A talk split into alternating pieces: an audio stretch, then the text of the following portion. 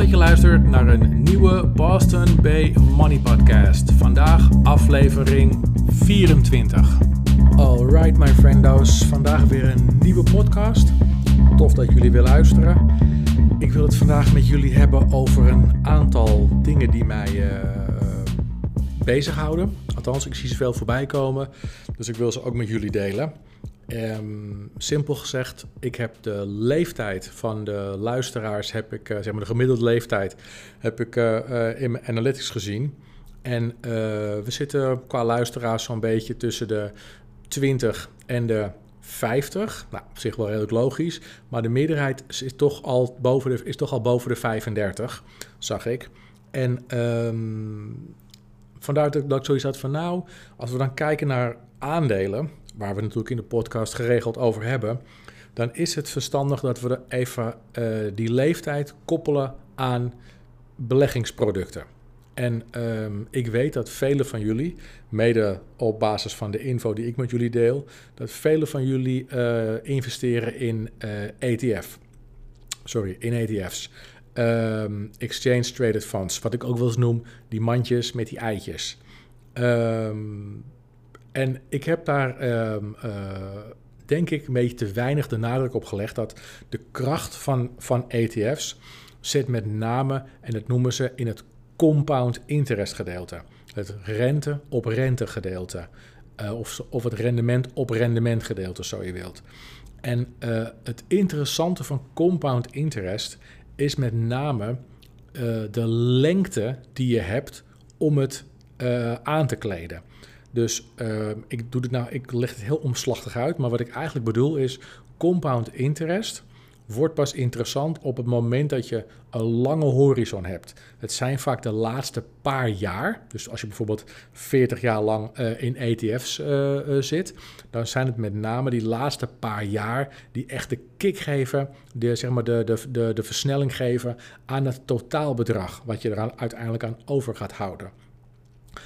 Dat betekent dus ook dat op het moment dat jij al, uh, zoals ik bijvoorbeeld, ik ben 44, mijn horizon is nog ongeveer, uh, nou zeg maar voor, voor het gemak, 20 jaar.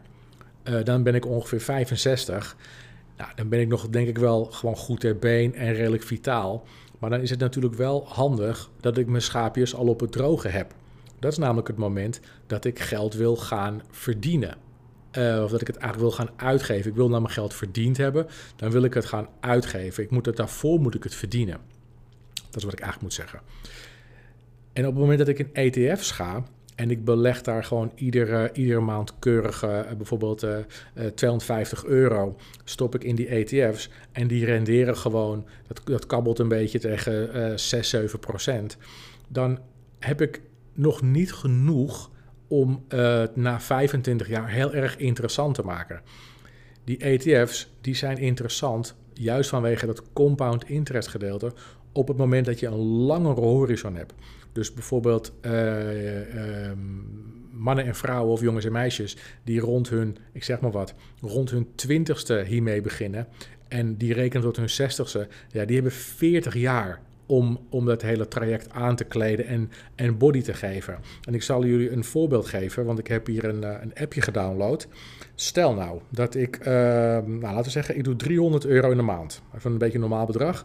En ik ga uit van uh, eh, 7% rendement op jaarbasis. Dus iedere maand doe ik 300 euro in een ETF die 7% op jaarbasis uh, geeft dan heb ik na 20 jaar, als ik het netje ophaal, heb ik totaal 72.000 euro ingelegd. Dus dat zijn al die maanden dat ik 300 euro heb, heb eh, ingelegd. Dat is 72.000 euro na 20 jaar. Um, de rente of het rendement wat daar nog bovenop komt, is ruim 81.000 euro. Dus als ik 20 jaar lang 300 euro per maand in een ETF doe, en het rendeert tegen 7%, dan heb ik een uh, totaal rendement behaald van 153.000 euro. En dat met 72.000 euro inleg. Dat is helemaal niet beroerd. Maar op het moment dat ik 40 jaar heb, en ik zou eh, bijvoorbeeld uh, die 300 euro verlagen naar 200 euro. Nou, laat ik eerst één op één doen. Dat ik die 300 euro doe. Dan zou ik uitkomen op 144.000 euro. Ingelegd, logisch. Dat is gewoon twee keer zoveel als dat ik net had. Alleen mijn rendement is naar 6 ton gegaan. Dus die poept dan na 40 jaar 745.000 euro uit. Kijk, dat is even andere koek. Ruim 7 ton, bijna 7,5 ton. Sterker nog, ga ik die 300 euro verlagen naar 200 euro, maar ik hou de rest hetzelfde, dan heb ik na 40 jaar 96.000 euro ingelegd. Maar het rendement wat erbij komt is ruim 4 ton. Dus je ziet de kracht van compound interest zit met name in de staart. Want dan loopt hij in één keer heel hard op. En simpel gezegd, ik ben te oud om te kunnen genieten van die staart. En um, ik heb daar voor de rest eigenlijk in relatie tot de podcast nog niet echt over nagedacht. Totdat ik de leeftijden zag van de mensen die naar de podcast luisteren. Er zitten ook wel wat jongere uh, mensen bij. Maar de, de meerderheid is toch al boven de 35. Dus ik wilde dit met jullie bespreken. En um, ik wil je natuurlijk niemand ontmoedigen. Je moet lekker doen waar je je veilig bij voelt. En als, als jij denkt dat ETF's bijvoorbeeld vanwege de spreiding gewoon alsnog een hele fijne belegging is, uh, dan moet je dat natuurlijk doen, want dat, is het ook. Uh, en als je denkt dat 6, 7 procent op jaarbasis aan rendement voldoende is, dan moet je daar natuurlijk ook gewoon lekker van genieten. Want daar is natuurlijk helemaal niks mis mee. Helemaal niet op het moment dat het vergelijken met spaarrente. Ik neem even een slokje water, hoor, een momentje. Dit is namelijk de tweede podcast die ik vandaag opneem. Dus uh, ik begin een beetje droge keel te krijgen. Um, anywho, waar waren we? Oh ja. Ik wil wel een alternatief aandragen. En dat is bijvoorbeeld... Um, sowieso is cash natuurlijk uh, handig om achter de hand te houden als je wat ouder uh, wordt. Want aandelen die fluctueren natuurlijk toch wat meer. En het zal je niet gebeuren dat precies rond je 65ste we, zitten, we in een, neergaande spiraal zitten. Waardoor je aandelen bij wijze van spreken 10% minder waard zijn geworden. Um, dus aandelen is ietsiepietsie minder verstandig naarmate je ouder wordt. Cash is dan, begint dan weer iets handiger te worden. Maar wat ook handig is, zijn REITs. En uh, REITs, dat zijn die uh, Real Estate Investment Trust. Ik heb het daar wel eens eerder over gehad. Die koop je op dezelfde manier als dat je aandelen koopt. Alleen die van die REITs hoeven we geen hele uh, mooie stijging meer te verwachten en ook geen hele diepe daling. Dat kabbelt zo'n beetje rond dezelfde koers en dat al tientallen jaren. Maar wat ze wel doen, en dat zijn ze ook wettelijk verplicht, zij hebben een hele hoge payout ratio. Dat betekent dat het percentage van de winst dat zij uitbetalen aan de aandeelhouders, in dit geval wij, is veel hoger dan dat je dat bij heel veel andere dividendaandelen ziet. Er zijn gewoon REITs die betalen gewoon 11% uh, eh, rente uit. Dus misschien is het handiger om uh, in plaats van dat je naar een ETF kijkt, dat je in een REIT gaat zitten ik zeg, ik zeg maar wat, ik heb even een beetje berekend van, nou, wat zou nou bijvoorbeeld geestig zijn? En ik heb gekeken, weer in hetzelfde, hetzelfde appje. Het appje heet trouwens Compound Interest. Ik zit daar totaal op geen enkele manier aan gelieerd, dus ik, ik verdien er geen euro mee als jullie dat downloaden, maar volgens mij kost het uh, eh, 3,50 euro als je het downloadt. Maar ik vind het wel een heel handig appje. En waarschijnlijk heb je ook gratis uh, varianten. Maar ik heb eens gekeken. Als je nou bijvoorbeeld een potje maakt van 3000 euro en je investeert dat in een REIT, dus je hebt 3000 euro en vervolgens koop je daar REITs van. En die REITs die renderen in dit geval ook weer tegen 7%. Nou, die worden in de vorm van dividend wordt die uitbetaald. Dus iedere keer dat die REIT dividend uitkeert, koop je weer nieuwe REITs. Gewoon exact dezelfde. Dus elke keer als dividend, dan koop jij weer gewoon uh, nieuwe REITs op het moment dat je uh, uh, genoeg hebt. Wat er vervolgens gebeurt, is die REIT die gaat op basis van jouw inleg, die blijft natuurlijk gewoon 3000 euro, want jij hebt, uh, jij hebt in eerste instantie niet meer ingelegd van je eigen geld. Je hebt alleen de, de, dividend steeds opnieuw geherinvesteerd. Wat er gebeurt na 20 jaar, is dat die 3000 euro, jouw eerste inleg en ook je enige inleg van je eigen geld, die is getransformeerd naar 11.609 euro. Dus je hebt ruim 8.500 euro aan rendement in die REIT gepompt op basis van die 3000 euro inleg. Moet je je voorstellen dat je een paar van dit soort potjes maakt. En ik stel me dan voor dat je bijvoorbeeld een, ehm, een potje maakt. Ehm, ik zeg ook maar wat, hè, jongens. Je spaart een keer je vakantiegeld op en je hebt nog een keer eh, belasting. En hup, dat is weer 3000 euro. Tak, weer een potje. Dan kun je dus weer, weer eh, eh, investeren in je, ik zeg maar wat, in je REIT pooltje. Heb je weer een apart pooltje. Nou, je krijgt een keer misschien een bonus of je, je belasting teruggave of een dertiende maand. Huppatee, weer een nieuw pooltje. Als je een paar van dat soort 3000 euro potjes maakt, en ik denk dat dat doable is, als je kijkt naar het vakantiegeld, et cetera, wat we over het algemeen krijgen dan kun je dus een paar van dat soort potjes optuigen. En het enige wat jij hoeft te doen, buiten die 3000 euro, is gewoon constant dat rendement, die, die, dat dividend terugpompen in je REIT. En als je dat gewoon consequent blijft doen, 20 jaar lang, dan heb je dus aan het einde van de rit heb je een aantal potjes en, een, en per potje wordt er ongeveer 8.500 euro rendement bijgeschreven. Dus als je dat bijvoorbeeld drie of vier keer doet, ja, dan heb je gewoon uh, ruim 40.000 euro. En dat met een investering van 12.000 euro. Kijk, dat zijn wel, dat zijn wel geestige, uh, geestige dingen. Dus ik dacht, nou ja, goed, het is natuurlijk net even iets anders dan een, um, een ETF. Want bij een ETF zou het, zou het rendement natuurlijk op zich ongeveer hetzelfde zijn. Even los van het feit dat het, een ETF het niet in dividend uitbetaalt, maar dat we dan uitgaan van een, dus dat hopen we, dat we uitgaan van een situatie waarbij die gewoon gemiddeld per jaar 7% stijgt. Een ETF geeft ook een beetje dividend, maar zeker geen 7. Ik denk uh, misschien 1 of 2% met een beetje geluk.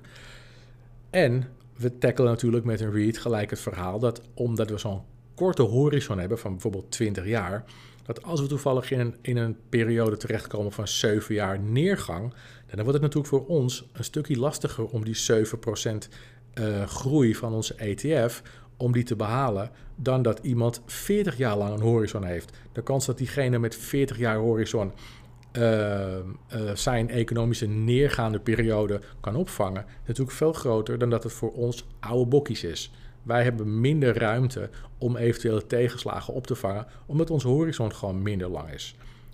Nou, ik heb ook eens even gekeken van wat is nou een handige manier als je het hebt over wat ze met een chic woord noemen asset allocation. Dus hoe ga jij je investeringen onderbrengen? Je assets, hoe ga je die onderbrengen? Er is een, er is een, een heel simpel rekensommetje. En wat je doet, je pakt het getal 100 en daar haal je je leeftijd vanaf. Dus in mijn geval 100 min 44 dan heb je 55 over. En die 55 zet je een, een, het, uh, een percentage teken achter. Dus dan heb je 55% En dat is eigenlijk het maximale percentage van mijn investeringsbudget wat ik in aandelen zou moeten steken. Dus je voelt hem al aankomen. Hoe ouder je wordt, dus als je op een gegeven moment 50 bent, dan is het 100 min 50. Dan heb je nog maar 50 over. Dus dat is dan 50% max in aandelen. En dat is een heel uh, logisch rekensommetje, omdat het opnieuw aankomt op je horizon. Je hebt gewoon minder ruimte om eventuele mindere of slechtere economische periodes op te vangen als je beleggingshorizon korter is. En die is gewoon korter naarmate je ouder bent. Dus wat misschien nog wel even handig is om te vertellen is, ik vertel jullie nu dat ik 44 jaar ben. Houd het alsjeblieft voor me, want de meeste mensen die mij voor het eerst zien, die schatten mij tussen de 19 en de 21. En dat wil ik natuurlijk zo houden. Ik uh, werk daar ontzettend hard aan. Sixpackie, knap kopje haar. Eigenlijk best wel afgetraind. Af en toe een klein beetje foundation om die huid een beetje een glans te geven. Dus tegen niemand wil ik 44 ben. Doe er alles aan om jonger te lijken. Alright, dat blijft even tussen ons. Daar luistert toch geen hond naar deze podcast. Dus niet doorvertellen. Oké. Ehm, ja, nog iets wat ik met jullie wil vertellen. Of wat ik met jullie wil delen. En dat is uh, goud. Wat je heel veel hoort in deze tijd is, ja, je moet in goud gaan beleggen.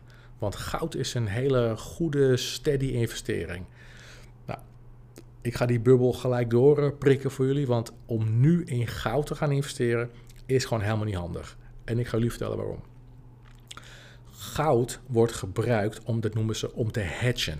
En hedgen is een soort tegenwicht bieden aan de volatiliteit, de bewegelijkheid van de aandelenmarkt. Of nu bijvoorbeeld ook van de zakelijke vastgoedmarkt. Uh, zakelijk vastgoed gaat ook uh, met de snelheid van het licht naar beneden qua, qua waarde. Um, en de volatiliteit van de aandelen, het op- en neerbewegen van de aandelen, is in deze tijd ook best wel een dingetje. Dus wat veel mensen zeggen is, ja, je moet goud gebruiken, want goud is stabiel. En dan kun je dat gebruiken om eventuele verliezen op je aandelen op te vangen. Nou, ik ga jullie vertellen waarom dat niet handig is. Als je wil gaan hedgen, dan wil je natuurlijk dat hetgeen jij gebruikt om te hedgen, dus om tegenwicht te bieden op die weegschaal, dat dat veel geld waard is op het moment dat het nodig is. Nou, tot zover is goud nog handig, want op het moment dat je te maken hebt met een periode van economische bloei, die we dus de afgelopen tien jaar hebben gehad, dan staat de, koers van goud altijd laag omdat niemand op dat moment aan hedge denkt. Dus wat, wat de fuck moeten we met goud? Dus die koers staat dan altijd laag. En op het moment dat het economisch een beetje spannend begint te worden en mensen zoeken naar een tegengewicht op de weegschaal, dan kijken mensen naar goud. Maar wat jij natuurlijk niet wil, is dat jij jouw tegengewicht gaat kopen voor de hoofdprijs. Dat slaat helemaal nergens op. Want dan heb je op je weegschaal aan de ene kant de aandelen die ontzettend bewegen en minder, in, in, uh, uh, minder waard worden. En aan de andere kant heb jij jouw hedgegewichtje, in dit geval het goud, wat je voor de hoofdprijs hebt gekocht. En we weten nu al dat op het moment dat het met de economie beter gaat, dat jouw goud in waarde gaat dalen. Dus dat slaat helemaal nergens op. Wat je moet doen, je wil natuurlijk niet, met je, je wil niet dat je hedge minder waard wordt. Wat je moet doen als je goed wil hedgen, is op het moment dat het economisch goed gaat met de economie, dan moet jij je tegengewichtjes gaan aanschaffen. Want die tegengewichtjes die koop je dan voor een habbekratsje. En op het moment dat je ze nodig hebt, als het economisch slecht gaat, dan zijn ze heel veel waard. Dat is wat je wil hebben. Je wil niet in een, economische uh, beroerde periode en aandelen hebben die naar beneden gaan en goud voor de hoofdprijs hebben gekocht. Dat slaat helemaal nergens op. Dat is niet slim, maar dat begrijpen heel veel mensen niet. Die denken van ja, ik moet, ik moet nu tegengewicht hebben, ik moet iets veiligs hebben, ik moet naar goud. Nee, Bassie, dat had je moeten doen toen het economisch heel goed ging en toen het goud geen drol kostte. Toen had je dat moeten aanschaffen met het idee dat je het gaat gebruiken als hedge op het moment dat het nodig is. Dus je moet zelf weten wat je doet, maar ik ga echt niet voor de hoofdprijs goud kopen. Terwijl ik al weet dat als het economisch goed gaat, dat ik geen reet meer aan het goud heb. En dat ik het ook niet voor dezelfde prijs kan verkopen als dat ik het nu heb gekocht. Onhandig. Heel onhandig. Dus kijken wat je zelf, uh, wat je zelf ermee uh, mee wil doen met dit, uh, met dit verhaal. Maar als ik jou was, zal ik het niet kopen in deze periode. Hou je geld gewoon even in je zak. Kun je beter gewoon cashgeld houden. En wacht tot die goudprijs zakt. Als het economisch weer beter gaat, gaat dan inslaan. Dan heb jij een hartstikke mooi hedgeproduct op het moment dat het weer een economisch een beetje slecht gaat. Want dan zit jij met drie van die goudstaven op je schoot. Iedereen uit te lachen. Oké, next one. Bitcoin hoor je ook overal. Je moet, je moet in bitcoins. Bitcoin is veilig en bitcoin is de toekomst. En alright, supergeestig verhaal. En ehm, de insteek van het verhaal is dat ik wel denk dat het, handig om een, dat het handig is om een gedeelte van jouw uh, investeringsbudget, en dan bedoel ik ook een heel klein gedeelte, max 10%, om dat te gebruiken om in cryptocurrency ik wil niet zeggen te beleggen, maar om er gewoon cryptocurrency van te kopen. Uh, je moet natuurlijk helemaal niks, maar dat is een beetje wat, wat ik denk dat verstandig is. En voor de mensen die echt denken van wat, wat, wat is het eigenlijk, die, die, die van bitcoin en al die crypto. Eigenlijk, en ik ga het nu even echt heel Jip en Janneke, want ik ben en geen crypto specialist. Um, en ik heb het nog nooit aan iemand uitproberen te leggen, maar ik ga het nu wel, wel proberen in Jip en Janneke taal. Je hebt eigenlijk twee soorten crypto. Crypto die een onderliggende waarde heeft, min of meer, in de vorm van een blockchain-oplossing. En dan moet je denken aan bijvoorbeeld um, betalingssystemen of uh, hele handige uh, contractensystemen met smart contracts, waarbij uh, je dingen heel snel van A naar B kan versturen, et cetera. Dat zijn zeg maar bedrijfjes die zijn opgetuigd met een, een bepaalde software techniek middels een blockchain. En die hebben geld nodig om dat te funden, logisch. Nou, De ene die zegt ik geef aandelen uit en een ander zegt ik ga vanaf nu virtuele muntjes uitgeven. Oké, eh, Ethereum bijvoorbeeld of ehm, eh, Ripple. Dat zijn crypto's met een onderliggend soort blockchain slash software systeem. Dat kunnen bedrijven ook echt gebruiken. En op het moment dat heel veel bedrijven daar gebruik van maken, dan gaan die muntjes, want het bedrijf wordt meer waard, dus die muntjes gaan dan in waarde omhoog. Alright, dat is op zich nog vrij simpel. Ehm, de meeste van die bedrijven overigens, die hebben er geen stop op zitten. Dus die blijven maar muntjes minen slash printen. Dus er komen unlimited muntjes bij. Bitcoin daarentegen heeft eigenlijk geen onderliggend software systeem of softwarebedrijf. Bitcoin is gewoon een uitvinding van waarschijnlijk een of andere slimme Japanner. En die heeft op zich wel een geestig idee uitgewerkt, waarbij hij dus zegt: we moeten een tegenhanger hebben van het fiat geld, het normale geld.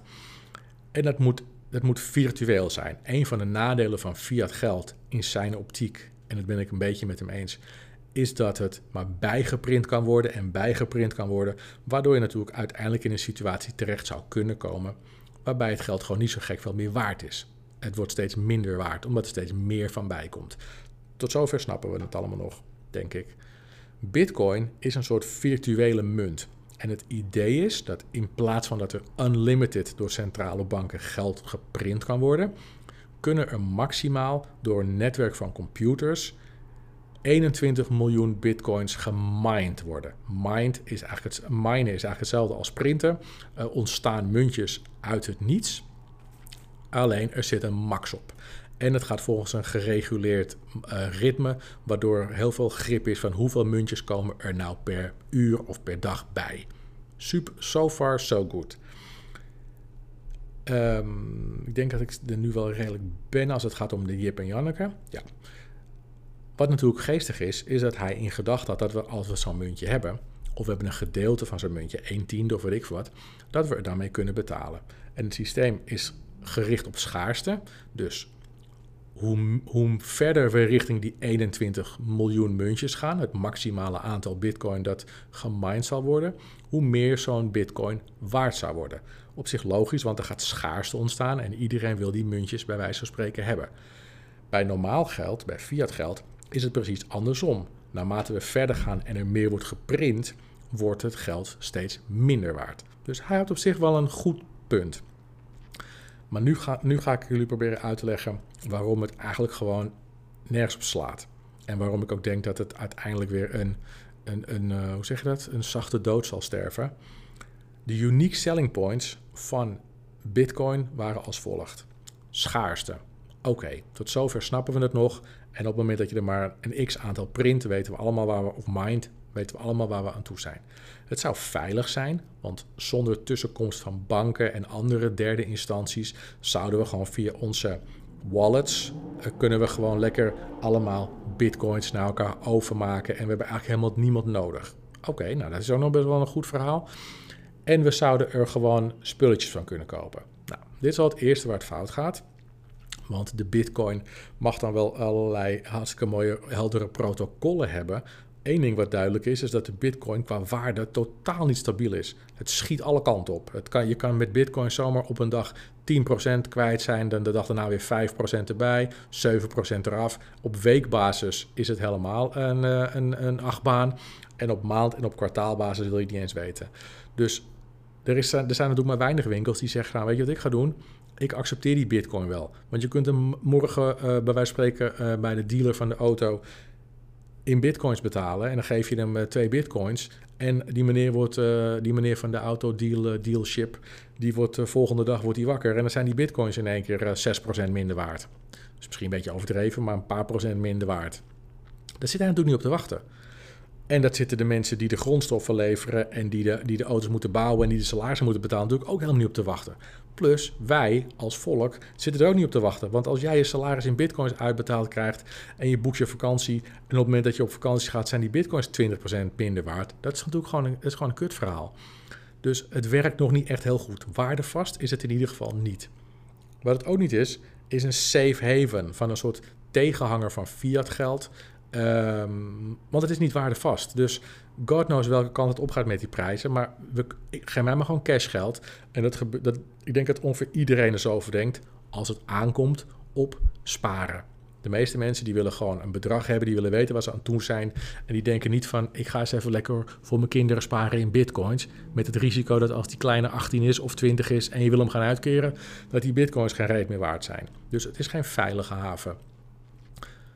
En het allergrootste probleem, en dat is als een, als een uh, unique selling point, als een heel groot voordeel van Bitcoin gepresenteerd, maar het begint inmiddels een heel groot nadeel te worden, is dat ze zeiden dat het gedecentraliseerd is. En qua theorie klopt dat wel, want bij normaal geld heb je een aantal centrale banken die printen het geld. En het geld wordt vervolgens aan heel veel mensen gedistribueerd. Dus je hebt, zeg maar voor het gemak, je hebt de Europese bank één punt waar het geld, de euro's worden geprint. En vanuit dat ene punt gaat het naar heel veel mensen. Dus dat ene drukpunt, het ene printhuis, in dit geval de centrale bank, heeft heel veel macht. So far so good. Het wordt wel naar ons allemaal gedistribueerd en het komt in ons zakje terecht in, in de vorm van salarissen, et cetera, et cetera. Bij bitcoins is het precies andersom. Daar worden door middel van de blockchain-technologie, dus al die aan elkaar gelinkte computertjes, worden die bitcoins gemined. Dus dat doen we inderdaad decentraal. Maar het grote probleem is dat al die bitcoins vloeien vervolgens maar naar een paar partijen. Dus er is een, een handjevol walvissen, noemen ze dat, whales, die hebben al die bitcoins. En wij, stakkertjes, wij hebben er ook een paar, maar niet te vergelijken met wat de grote, wat de grote walvissen hebben. Nog los van het feit dat zij dus ook de koers kunnen manipuleren, omdat zij over zoveel bitcoins beschikken, is het natuurlijk ook fucking oneerlijk. Stel nou dat we inderdaad echt over zouden gaan op bitcoins, dan hebben we dus te maken met 6 miljard mensen op de wereld die allemaal bitcoins nodig hebben om, te kunnen, om uit te kunnen geven en om van te kunnen leven. Maar die bitcoins die zijn in handen van bijvoorbeeld 15 mensen. Ja, wat moeten, wij, wat moeten wij dan doen om van die 15 mensen die een paar van die bitcoins te kunnen krijgen? Dan zijn we toch een stel sloebers die gasten die kunnen ons aan alle kanten helemaal uitmelken. En dat merk je nu dus ook. Steeds meer mensen komen erachter die zien: hé, hey, wacht even. Van alle bitcoins die in januari, vanaf januari zijn gemined, is 80% naar twee partijen gegaan. Wat ben ik dan moeilijk aan het doen met mijn bitcointjes? Je, je, we zijn gewoon een stel sloebertjes. Dus dat is, dat, dat is inmiddels een heel groot nadeel, omdat er dus er is geen vertrouwen. En daarom zijn er steeds minder mensen die vertrouwen krijgen in bitcoins. En daarom schiet die prijs ook nog niet echt, die koers gaat niet omhoog. Hij blijft maar hangen, terwijl die eigenlijk al veel hoger had moeten staan. En dat komt omdat de basis van elke valuta, of het nou om fiat geld gaat, of om bitcoins, of om goud, of om kraaltjes, het maakt allemaal gereed uit. Het is op basis van vertrouwen. En als ik jou niet vertrouw en jij mij niet kunt vertrouwen dat het briefje, dat het briefpapiertje met een foto van een van de snuiten erop morgen nog steeds hetzelfde waard is, dan ga je dat niet accepteren.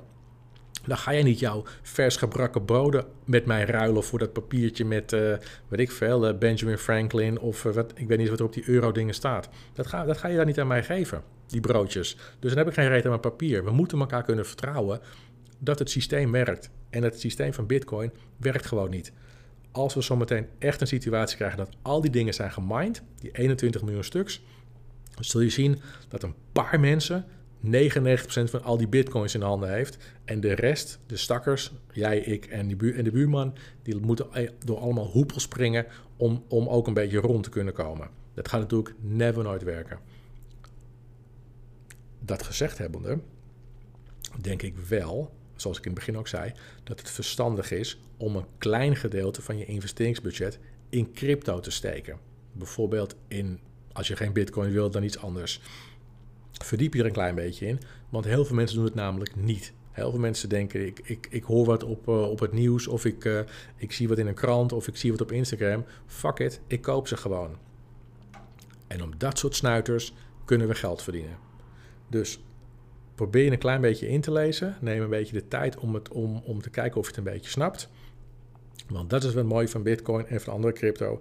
Er zijn zoveel hongerige mensen die op de golf mee willen liften, zonder dat ze snappen hoe het werkt. En juist op dat soort mensen kunnen wij heel veel geld verdienen. Mits we ons huiswerk hebben gemaakt. Oké, even een slokje water.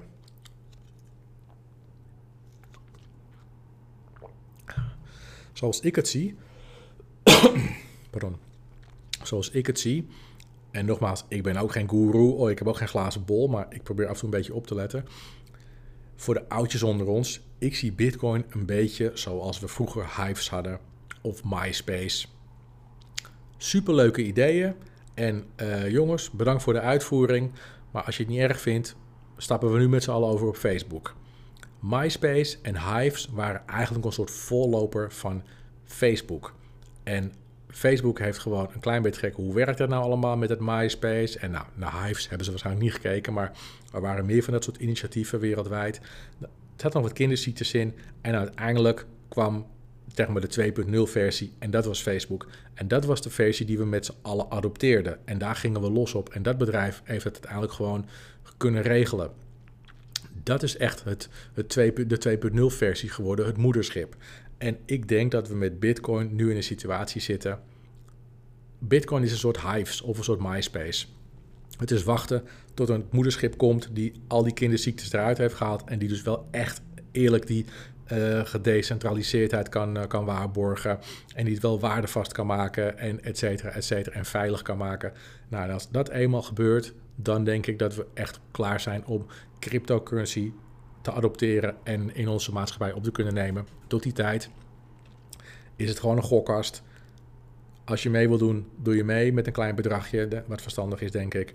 Misschien halen we nog een, uh, nog een mooi rendement uit. En als je denkt van, fuck it, mij allemaal veel te ondoorzichtig en ingewikkeld, daar ben ik de eerste om je hand te geven. Want dat is het in de basis ook. Dus laat je niet gek maken door al die verhalen dat iedereen helemaal vol op de crypto is en weet ik veel wat. Want dat is gewoon simpelweg niet waar. En dat kunnen we heel makkelijk meten. Juist omdat ze uitgaan van een situatie waarbij schaarste het verdienmodel moet zijn. Op het moment dat de koers niet beweegt en zelfs nog een beetje aan het dalen is, betekent dat maar één ding. Er zijn steeds minder mensen die crypto aan het, of in dit geval die bitcoin aan het inkopen zijn. Zouden ze namelijk wel massaal aan het inkopen zijn, dan zou die koers omhoog gaan. Het is een super simpel verdienmodel.